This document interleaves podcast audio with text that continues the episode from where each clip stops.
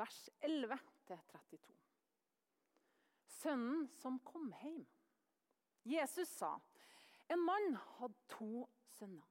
Den yngste sa til faren, 'Far, gi meg den delen av formen som faller på meg.' Han skifta da sin eiendom mellom dem. Ikke mange dager etterpå så solgte den yngste sønnen alt sitt og dro til et land langt borte. Der sløste han bort formuen i, sitt, i et vilt liv. Men da han hadde satt alt over styr, kom det en svær hungersnød over landet, og han begynte å lide nød. Da gikk han og søkte tilhold hos en av innbyggerne der i landet, og mannen sendte han ut på markene sine for å passe grisene. Han ønska bare å få mette seg med de belgfruktene som grisene åt, og ingen ga han noe.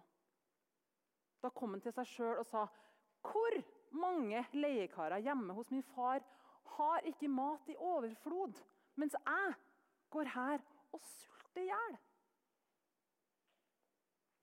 Jeg vil bryte opp og gå til min far og si, 'Far, jeg har synda mot himmelen og mot deg. Jeg fortjener ikke lenger å være sønnen din. Men la meg få være en av leiekarene dine. Og Dermed brøt han opp og dro hjem til faren. Da han ennå var langt borte, så fikk faren se ham. Og han fikk inderlig medfølelse med ham. Han sprang sønnen i møte, kasta seg om halsen på ham og kyssa ham. Sønnen sa, 'Far, jeg har synda mot himmelen og mot deg.' 'Jeg fortjener ikke lenger å være sønnen din.' Men faren sa til tjenerne sine, 'Finn fram de fineste klærne og ta dem på han.' 'Gi ham en ring på fingeren.' Og, og, hent gjøkalven og slakt den, så vil vi spise og holde fest.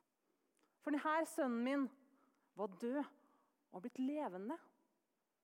Han var kommet bort og er funnet igjen. Og så begynte festen og gleden. Imens var den eldste sønnen ute på markene.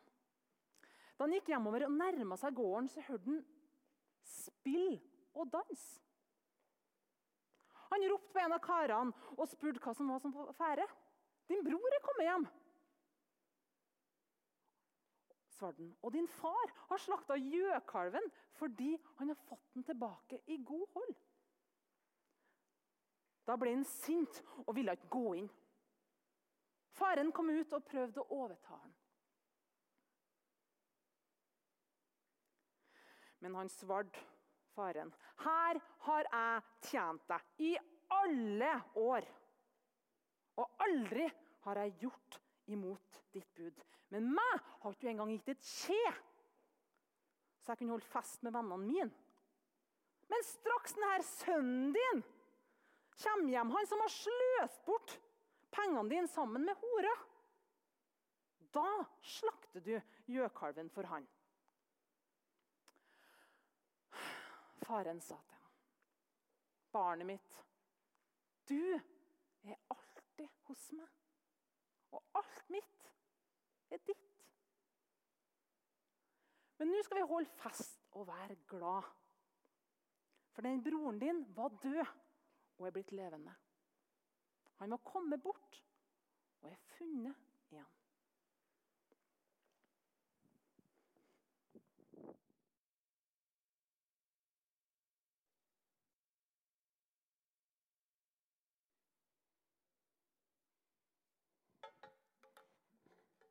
Blir det min jobb å følge de her damene. Godt å se dere, alle sammen. Vi skal starte en ny taleserie i dag, som Ingebrigt nevnte. 'Den Gud jeg skulle ønske du kjente'. Den Gud jeg skulle ønske du kjente. Og så er det sånn at Vi har alle et bilde av hvem Gud er. Enten vi tror på han, eller vi ikke gjør det. De her Bildene de er forma av oppveksten vår og det vi har blitt fortalt og det vi har lært på skolen. Og Ofte har vi tanker, både bevisste og ubevisste, som ikke stemmer helt med den Gud som Jesus viser oss.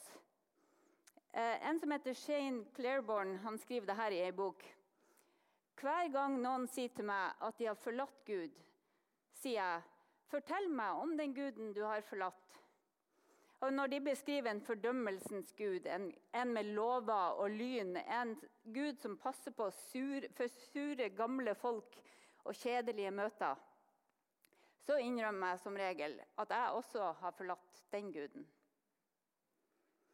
Og Det som da gjenstår, er jo å vite hvem kan vi tro på. Hvem er Gud? Hva gjør Gud? Hva har Gud gjort? Hva har Gud lova? Og Vi trenger å vite de her svarene på sånne spørsmål. Både for vår egen del og for å formidle et sant og klargjørende bilde av Gud til de menneskene som vi lever sammen med. For vi må unngå å gjøre det her. Det kan være så fristende å stappe Gud inn i en boks som vi har definert og er komfortable med. Men hvis Gud er Gud, hvis Gud er Gud, så må vi lære å kjenne Han sånn som Han er. Og Dette er en serie som eh, du gjerne må invitere med deg venner og kjente på.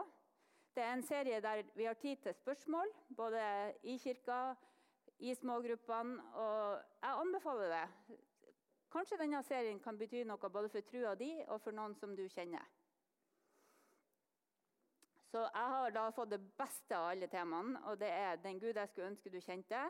Han som tar imot deg akkurat sånn som du er. Og Teksten som Kristin leste, er henta fra Lukas 15, 11-32. og Hvis dere har det her tekstheftet, så har dere teksten foran dere. Før i tida, i den gamle bibeloversettelsen, så sto det 'Den bortkomne sønn' som overskrift. Men nå har de skifta til 'sønnen som kom hjem'. Det er noe en ting, men det er jo to sønner i historien. Eh, en ung og en litt eldre. Og Det er veldig viktig å få med seg begge sønnene for å forstå hva Jesus sier med denne historien. For dette er en historie full av sprengstoff. Det var en av de som fikk Jesus drept. Og Konteksten for historien den ser vi i de første to versene i Lukas 15. Der står det alle tollere og syndere holdt seg nær til Jesus for å høre på ham. Men fariseerne og de skriftlærde murra og sa seg imellom. Denne mannen tar imot syndere og spiser sammen med dem. Så Den fortellinga som, som, Kristin leste, den fortelles foran hele spekteret av tilhørere. De som var helt utenfor det religiøse og sosiale systemet, de som kalles tollere og syndere. Og de aller mest religiøse og moralistiske, som syns Jesus burde holde seg langt unna den første gruppa. Så jeg antar at mange av dere har hørt utallige taler om denne teksten. Og noen har sikkert til og med lest bøker om den. Men kan vi prøve å se på den som om det er første gang? For jeg tror at vi kan se noe nytt eller bli minnet om noe viktig. Så jeg skal starte med at denne historien har to akter.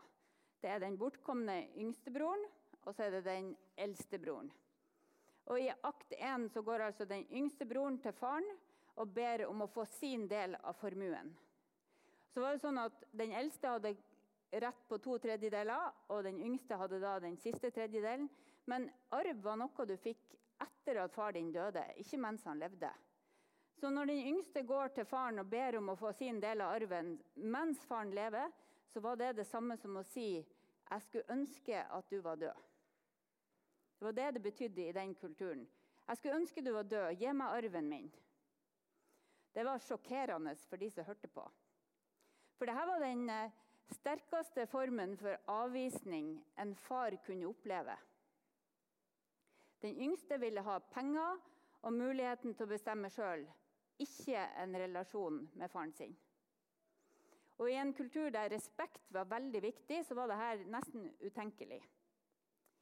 Men det som er enda mer uhørt, det er reaksjonen til faren. De som har studert historie og kultur i dette samfunnet i Midtøsten på Jesu tid, de sier at en far hadde ikke hatt noe annet valg enn å sende sønnen bort, gjøre han arveløs. Det var det eneste han kunne gjort for å beholde status og respekt i sitt samfunn. Han måtte kutte alle bånd og gjøre sønnen arveløs. Men denne faren gjør ikke det. Hva sier teksten? Jo, den sier at faren tok og delte opp eiendommen. Og Det betyr at han måtte selge unna en del av eiendommen for å få penger nok til å gi til den yngste sønnen, sånn at han kunne få en tredjedel av formuen. Og det kan jeg love dere, det svei. For den som har gått, bodd på gård eller vokst opp på gård eller vært på gård, han vet at eh, en gård er ikke noe man eier. En gård er noe man hører til på. Og jorda og du er veldig nært knytta, så det å selge en tredjedel av gården din, det er ikke en liten sak. Å miste en del av eiendommen var faktisk som å miste litt av seg sjøl. Så den som hørte på historien som Jesus fortalte, de hadde aldri hørt om en far som hadde reagert sånn som denne faren gjør. Han gir sønnen det som sønnen vil ha. Og husk at Faren hadde all makt i denne relasjonen. Han kunne ha slått tilbake, han kunne ha avvist sønnen, han kunne hate han, eller i hvert fall prøvd å hate han. Han kunne sende han bort. Men ingenting av det ville fått sønnen til å bli glad i faren. Faren kan ikke tvinge sønnen til å elske han. Og Mange av oss som har unger, eller alle vi som har foreldre, vi vet hva dette handler om. Vi kan ikke tvinge barn til å elske foreldre. Det er helt umulig.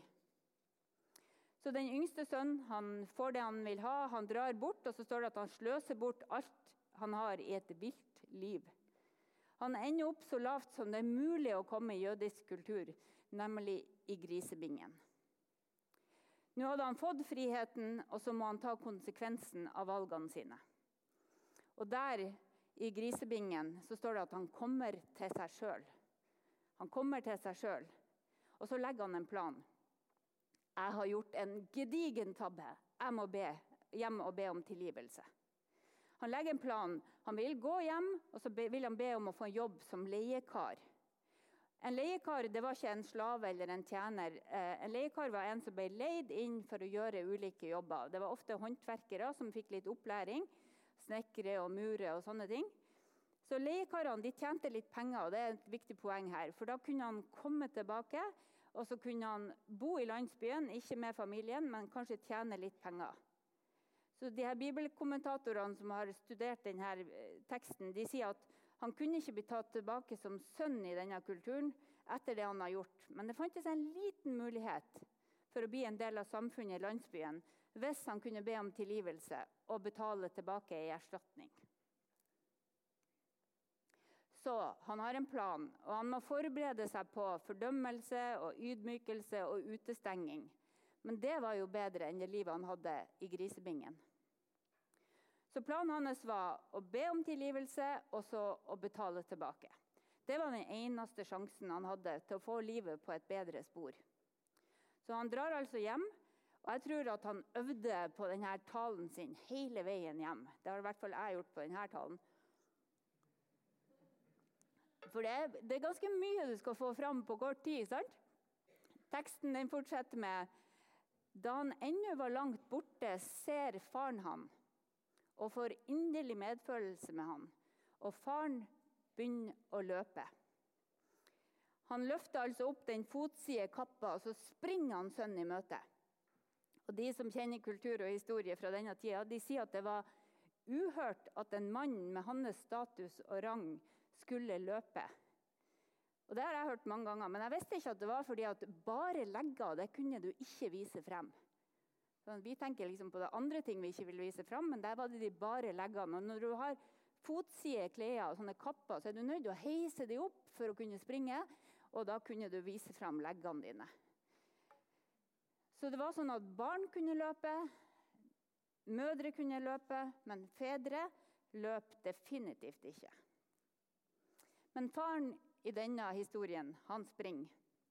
Og Han omfavner gutten sin og klemmer han hardt og kysser han. Sønnen prøver å fortelle om planen sin, den han har øvd på. Men faren han snakker faktisk ikke til han. Han bare begynner å instruere tjenerne om hva de skal gjøre. Hent de fineste klærne, sett ringen på fingeren, gi han sko på føttene. Da er det sånn at Ringen det var et tegn på autoritet, et tegn på at han var sønn. Så det her går langt bedre enn forventa. Wow, for en mottagelse! Men her må vi stoppe opp litt. For hvorfor springer denne faren egentlig? Hva er det som haster sånn? Er han bare så glad at han ikke kan vente noen få minutter til? Eller er det noe annet som gjør at han springer? Har du lurt på det? Jeg hadde ikke jeg heller. Men jeg må fortelle dere hva jeg fant ut. fordi Det er en veldig interessant detalj. Eh, I jødisk tradisjon kunne en som har sløst bort arven i et fremmed land, han skulle ekskluderes hvis han kom tilbake. De hadde til og med en seremoni. Skal vi se, Det var spørsmålet. Seremonien kommer her. De, de hadde en seremoni som de kalte for kesasa. Jeg tror det er sånn det uttales, men det kan sikkert Ingebrigt svare på. Det er et gresk ord, kesasa, som på norsk betyr å skjære ut. På engelsk 'cut out'. Så hvis en sønn kom tilbake etter å ha sløst bort arven i fremmed land, så skulle de eldste i landsbyen de skulle komme og møte han i byporten. og Så skulle de ta ei sånn krukke som det der. Den der er jo lappa sammen, men de tok ei krukke, og så kasta de den ned i bakken foran den som kom tilbake. Og så ropte de 'Du er avskåret fra folket'. Så her er vel en sånn krukke de har funnet og lappa sammen. Men det var et tegn på at du er ekskludert. Og da skulle alle i landsbyen behandle han som om han var død. Full avvisning. Og da skjønner vi kanskje hvorfor faren måtte løpe. Han måtte rekke fram til sønnen sin før han kom til byporten. Før de eldste i landsbyen fikk vite noe. Før noen andre fikk kloa i han. Før Kassa sa. Så nå hadde han venta og speida og sett etter sønnen så ofte som han kunne. Han visste at han ville gjenkjenne han på lang avstand. Det var jo gutten hans. Han hadde sett han vokse opp. Han visste akkurat hvordan han gikk. Så nå var han klar for å gjøre alt som sto i hans makt for å redde barnet og ta han med seg hjem. I dette samfunnet som de levde i, så var det bare farens nåde som kunne redde sønnen. Det var bare faren som kunne frelse han fra å bli avskåret fra familie og landsby. Så denne faren han gir opp sin egen ære og status. Han tar på seg skammen. Han går imellom sønnen og de som skulle eh, konfrontere han og ekskludere han. Han dekker sønnen med de fineste klærne, og det var hans egne klær. Ja, Vi kan si at han tar regninga for det sønnen har sløst bort. For så høyt har denne faren elska sønnen sin at han ga sitt eget liv for ham. Og Her ser vi jo, som dere, mange av dere observante lyttere vet, vi ser klare paralleller til det Jesus gjorde på korset. Jesus ga sitt liv for at hver den som tror på han, ikke skal gå fortapt, men ha evig liv. Som det står i Johannes 3, 16. Dette er evangeliet. En far som elsker Gud, og som gjør alt han kan for å få barnet tilbake til seg. Dette er den Gud som jeg ønsker at alle mennesker kjente. En Gud som lider med oss, og som lider for oss. En Gud som ikke overlater oss til oss sjøl og vår egen sviktende dømmekraft, men som møter oss med tilgivelse og nye sjanser hvis vi ber om det. Og han gjør det på nytt og på nytt og på nytt og på nytt. Og Vi skal gå tilbake til historien, for det er mer å hente der. Når faren har bedt tjenerne hente klær og ring og sko, så sier han og hent gjøkalven og slakt den. Og så skal vi spise og holde fest. For denne sønnen min var død og er blitt levende. Han var kommet bort, og han er funnet igjen. Og så begynte festen og gleden. Så begynte festen og gleden. Dette er den eh, delen av historien som virkelig provoserte fariseerne og de skriftlærde som hørte på. For Jesus han utfordrer samfunnsordninger som er laga for å beskytte både familien og individene. Så Jesus han rokker ved noe helt fundamentalt. Det er nok mye lettere for oss å like historien, for dette er jo en klassisk historie med en sånn happy ending. En sønn får komme hjem, yeah, han får nåde. Hvem liker ikke å få nye sjanser? Jo, det skal vi se hvem som ikke likte det. For det var den eldste sønnen. Han har jo vært ute på marka og jobba hele dagen. og Så kommer han tilbake hjem til, til, til eh, landsbyen på kvelden. Og Da hører han musikk og dans fra farens hus. Og Det må ha vært ganske høyt hvis du hører det på lang avstand. Han kommer opp til huset og så spør han tjenerne hva er det som foregår. Og Når han hører at det er lillebroren som er tilbake, da blir han sint. Han hadde sikkert noen gloser foran navnet på broren som ikke passer seg i kirka. Hvordan våger han å komme tilbake? Og han har jo grunn til å bli sint, for broren har svikta dem. Han har påført dem store økonomiske tap. En tredjedel av eiendommen er borte. De har tapt status i landsbyen. Ja, lillebroren han har kosta dem dyrt. I tillegg så har den eldste broren sett faren gå og sørge over tapet av den yngste. Han har sett faren gå ned til byporten og speida etter lillebroren hver eneste dag i lange tider. Hvilken rett har han til å komme tilbake etter alt det han har gjort? Hvorfor i all verden skulle han få en ny sjanse? Det er jo et godt spørsmål. Men merk at den eldste han er mest opprørt over én ting, og det er hvor mye penger faren bruker på festen.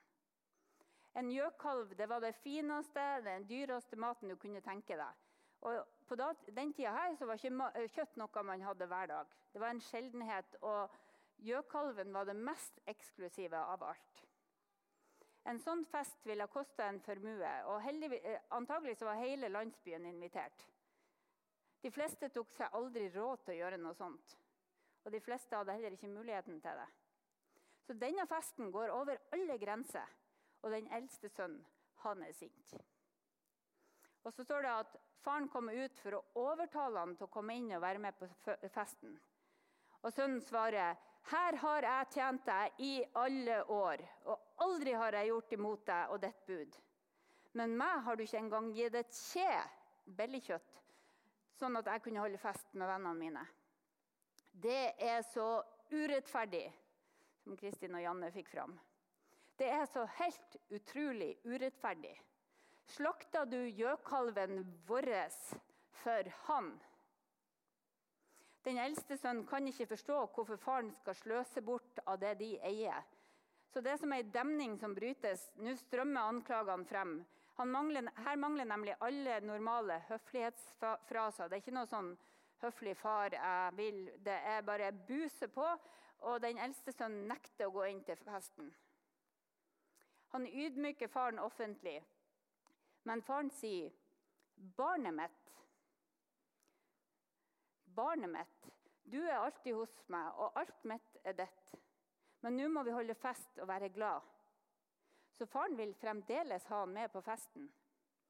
Selv om sønnen har vært respektløs, så får også han en ny sjanse. Faren vil ha med begge to. Nå må vi holde fest sammen. Hvordan slutter denne historien? Blir han med inn? Ble de venner alle sammen? Vi vet ikke. Jesus sier ingenting om det. Han bruker å avslutte historiene sine, men denne lar han henge, så kanskje vi må tenke. Tre poeng som vi kan trekke ut av denne teksten. Jeg skal ta de kort. Først er at Gud er en god far. Ideen om Gud som far var ikke vanlig på den tida. Det var få referanser i Det gamle testamentet til Gud som far. og Da var, det, var, var far forbundet med å være familiens overhode, en patriark med makt. Så Jesus han introduserer en helt ny far, en helt annerledes far. Jesus sin far er en far som springer deg i møte. En far som gir alt for barnet sitt. En far som er helt i hundre når sønnen kommer hjem. Festen er overdådig, men den står antagelig i stil med gleden. Mange liker ikke bildet av Gud som far, rett og slett fordi de ikke har hatt en god far sjøl. Så hvis en far betyr sterk og streng og hard og dømmende, så er ikke far et godt bilde for Gud. Men Jesus tegner altså et bilde av en Gud som er en skikkelig god far. Ja, en far som springer som ei mor. Eh, kanskje ligner denne faren på ei mor. Og hvis du leter litt i Bibelen, så finner du flere andre eksempler. Jesus sier en gang at uh, han vil samle dem som, under, som ei høne samler kyllingene under vingene sine. Det er noe veldig sånn omsorgsfullt her. Gud er veldig god.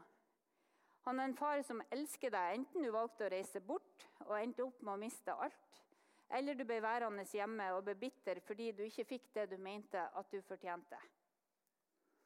Gud, vår far, tar imot deg akkurat sånn som du er. Han ønsker oss alle sammen velkommen hjem til et liv sammen med seg. For det er det vi er skapt til. Neste punkt er at det er flere måter å rote seg bort fra Gud på. Den yngste sønnen han endte opp med et liv i synd. Vilt liv, står det. Den eldste han holdt seg innenfor alle grenser all sin dag. Han har gjort sin plikt, han har betalt en høy pris for at broren stakk av. Han fortjener jo faktisk å arve det som er igjen. Han har gjort det som kreves. Og når broren kommer tilbake, så er det umulig for han å glede seg. Ser dere? Én sønn er veldig dårlig, og én sønn er veldig god. Men begge to brukte faren for å få det livet de ønska seg. De ville begge ha det faren eide. Det var viktigere for begge enn farens kjærlighet og fellesskap med ham. Så det er to måter å være sin egen frelser og herre på. Det ene er å gjøre alt galt, og den andre er å prøve å være veldig god. Begge roter seg bort fra Gud, fra faren sin. Så Når Jesus forteller historien, så har han et publikum av tollere og syndere.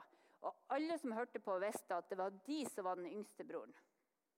Den andre gruppa var fariseerne, og de var den eldste broren.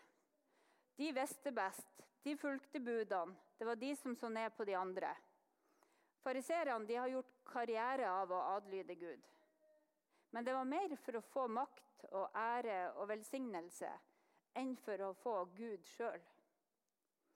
Så når Jesus forteller historien, så snakker han til alle som hører på. De har alle gått seg bort, bare på forskjellig vis. Begge gruppene ønska gavene mer enn giveren. Det Gud ga, mer enn Gud sjøl.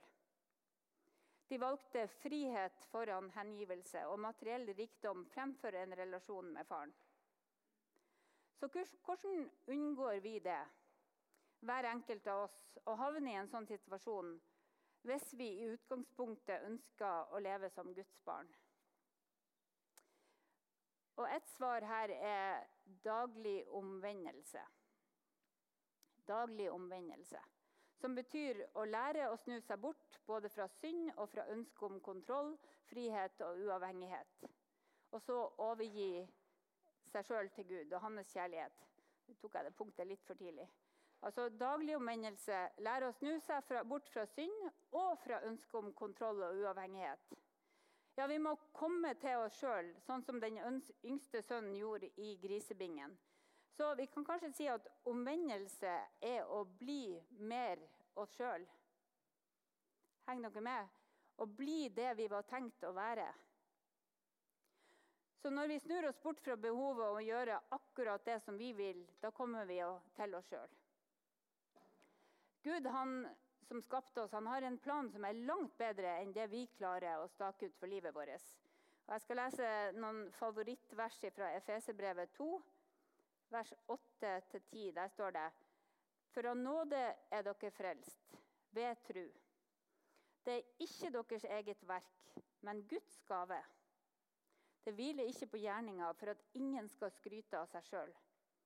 For vi er Hans verk, skapt i Kristus Jesus til gode gjerninger, som Gud på forhånd har lagt ferdig for at vi skulle vandre i dem. Så vi er frelst fra et liv uten Gud til et liv med Gud. Og vi kan få lov å kjenne han ordentlig, vi kan få lov å leve i hans kraft. Og når vi lever med han, så blir vi mer lik han. Tim Keller, eh, teolog fra USA, han sier, eh, han sier det her i ei bok en kristen er en som har lært å vende seg bort fra tendensen til å være sin egen herre og frelser. En kristen er en som har lært seg til, å vende bort fra tendensen til å være sin egen frelser og herre. Alt forandrer seg da. Det forandrer måten du ser på andre, måten du ser på deg sjøl og på Gud. Det er så radikalt at det kalles en ny fødsel. Det er så radikalt at det kalles en ny fødsel. Et nytt liv der Gud er herre og frelser, ikke jeg. Ja, Vi skal faktisk slippe å være det. Så den Gud jeg skulle ønske du kjente, er den Gud som tar imot deg akkurat sånn som du er. Og det gjelder om du klarer deg fint, eller du har rota deg skikkelig langt bort. Det gjelder også om du har et lite område i livet der du ikke ønsker å slippe Gud til. Han tar imot deg også på det. Kanskje har du strevd lenge alene med noe. Kanskje noe ingen vet om. Og husk at Gud tar imot deg akkurat sånn som du er. Du er elska. Det er det du er. Du er invitert. Det er det du er. Gud venter på deg, og han er klar til å møte, løpe deg i møte. I Johannesevangeliet så står det sånn Men alle som tok imot ham, dem ga han rett til å bli Guds barn, de som tror på hans navn. Det gjelder alle, hvert enkelt menneske. Og Hvis du ikke kaller deg kristen, men tenker at det har jeg lyst til å bli, så er du hjertelig velkommen til det. Det er mulig å snakke med en av pastorene eller gå til forbundsrommet ute i gangen etterpå. Eh, kanskje i dag er dagen der noen av dere sier at nå vil jeg bli kristen. Nå vil jeg komme i møte med den Gud som kommer meg i møte. Og Hvis du er der at du trenger en ny start, en ny sjanse, så kan du gjerne snakke med en av oss. Vi har taushetsplikt. Vi er her for dere. Eller dere kan snakke med noen som dere er glad i, og som kjenner dere. Bruk denne dagen til å ta imot Guds tilbud om en ny sjanse, hvis det er det du trenger. La oss be. Kjære, gode himmelske Far. Takk for at du er en Gud som springer oss i møte, og som ikke gir opp. Takk at du gjør alt som står i din makt for å frelse oss og vise at du elsker oss. Vi ber deg, gjør det bare du kan i vårt liv. Hjelp oss til å komme til oss sjøl, til å snu oss til deg, og takk at du tar imot oss. Nåde være med dere og fred fra Gud vår Far og Herren Jesus Kristus. Amen.